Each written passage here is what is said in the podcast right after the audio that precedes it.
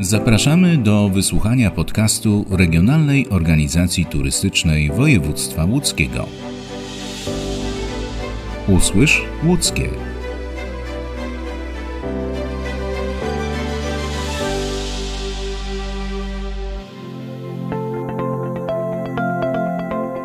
Jedziemy do miejsca położonego 76 km od Łodzi, niewiele ponad 100 km od Piotrkowa Trybunalskiego, 138 km od Sieradza, 34 km od Skierniewic oraz 96 km od Warszawy. Docieramy do Łowickiego Parku Etnograficznego w Małżycach, który najczęściej nazywany jest po prostu skansenem w Małżycach. Odwiedzając to miejsce, mamy poczucie podróży w czasie. Cofamy się do drugiej połowy XIX wieku i początków XX. To niepowtarzalna okazja, by przekonać się, jak żyli, pracowali, czy też bawili się nasi niedalecy przodkowie mieszkający na łowickiej wsi. W sumie w skansenie odnajdziemy 42 oryginalne obiekty podzielone na tak zwaną starą oraz nową wieś. Naszym przewodnikiem jest dyrektor Muzeum w Łowiczu Grzegorz Dębski. Pierwotne plany założenia tutaj skansenu już były lata 60., 70. XX wieku. Ostatecznie się skrystalizowało to w latach 80., kiedy zaczęto w ten teren blisko 17-hektarowy zwozić obiekty właśnie z powiatu łowickiego i skierniewickiego i powstawać i budować dwie wsie. Starsza wieś, ta można powiedzieć z połowy XIX wieku do początku XX wieku, to jest tak zwana owalnica, gdzie wokół placu, takiego owalnego można powiedzieć, zlokowali obiekty budowlane w postaci właśnie, tu mamy akurat kilka chałup, w tym ciekawa taka luźna zabudowa związana z właśnie tam kulturą, gdzie pokazujemy len. Mamy też takie zwarta zabudowa z chałupą, tak zwaną okulnik, gdzie wszystko w, w obrębie czworokąta się skupia. No i oczywiście mamy też teren, gdzie jest zespół sakralny. Jest ciekawy, bo jest najstarszy tutaj z tym związany, bo to jest barokowy, jeszcze właśnie XVIII-wieczny, kościół z, przeniesiony z Wysokienic, z, wraz z dzwonnicą, no i plebania, plebania daleko jest Pszczonowa akurat. Wszystkie te budynki, które tutaj możemy zobaczyć i pewnie o niektórych jeszcze opowiemy tak bardziej szczegółowo, rozumiem, to są budynki autentyczne. Ludzie w nich żyli, funkcjonowali, pracowali, bo my na przykład stoimy obok e, szkoły. Tak, zgadza się.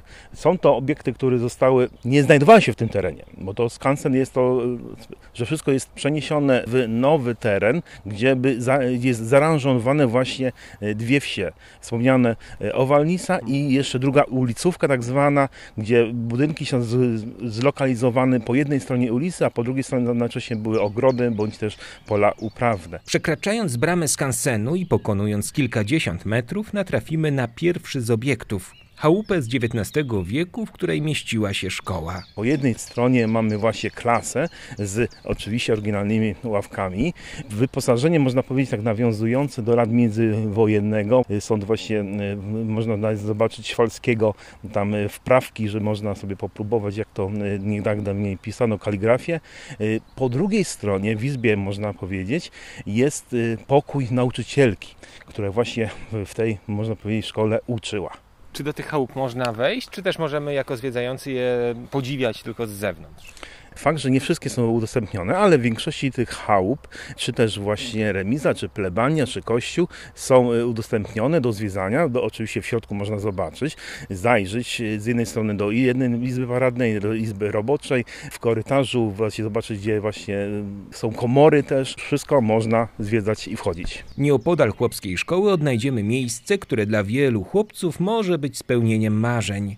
Któż chociaż przez moment nie chciał być bowiem strażakiem. W skansenie w Małżycach jest i remiza strażacka z pełnym powojennym wyposażeniem.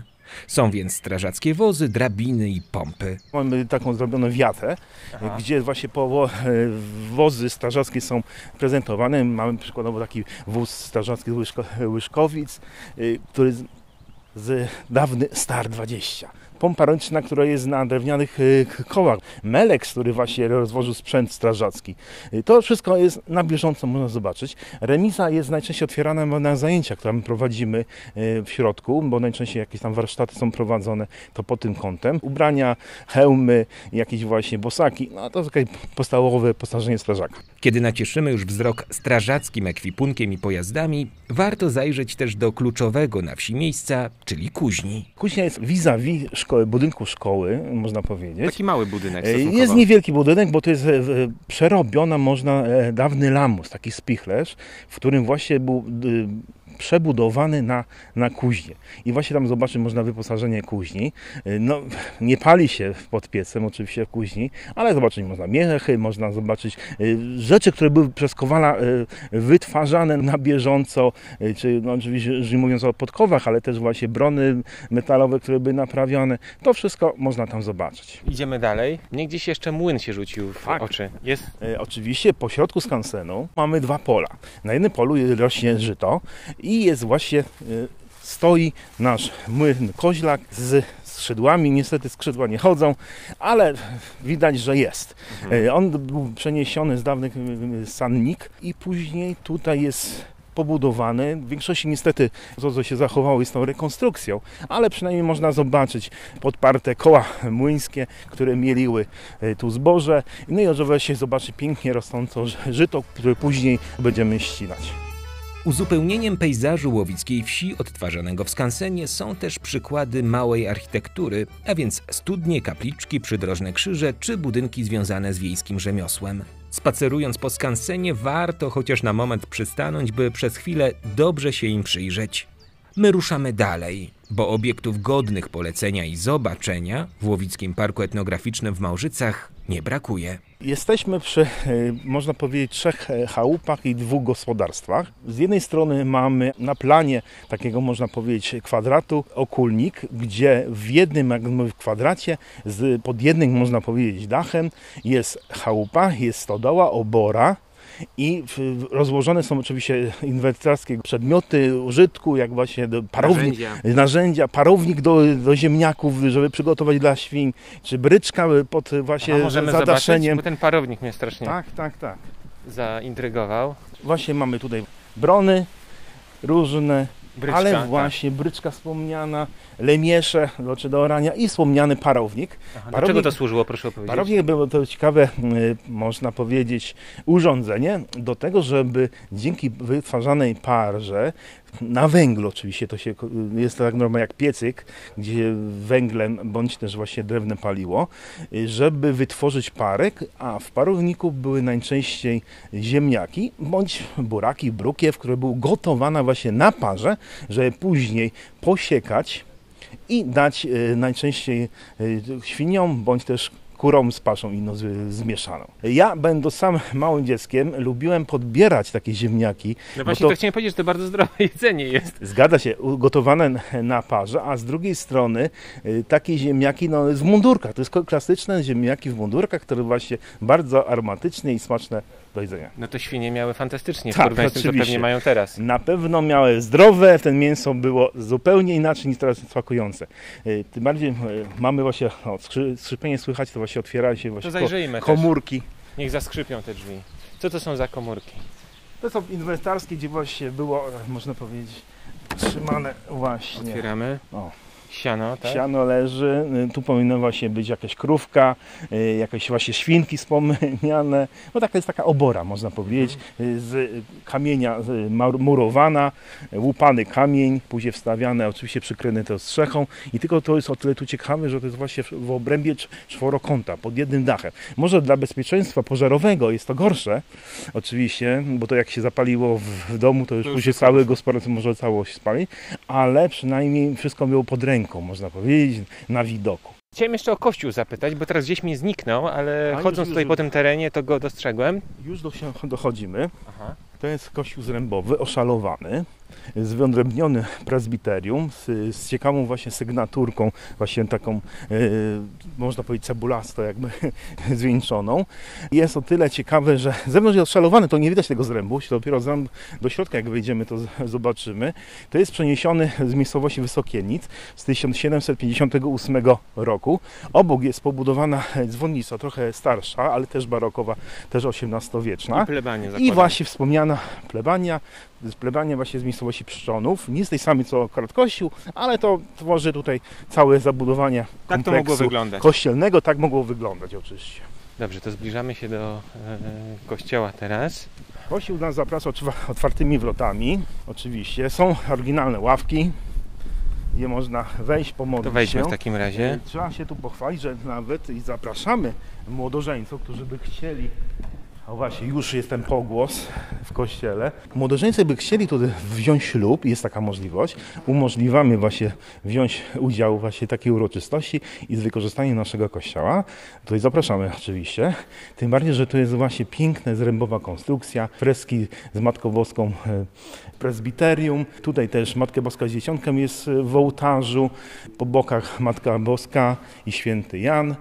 E, Jest tu oczywiście ambona, szczelnica i boczne ołtarze.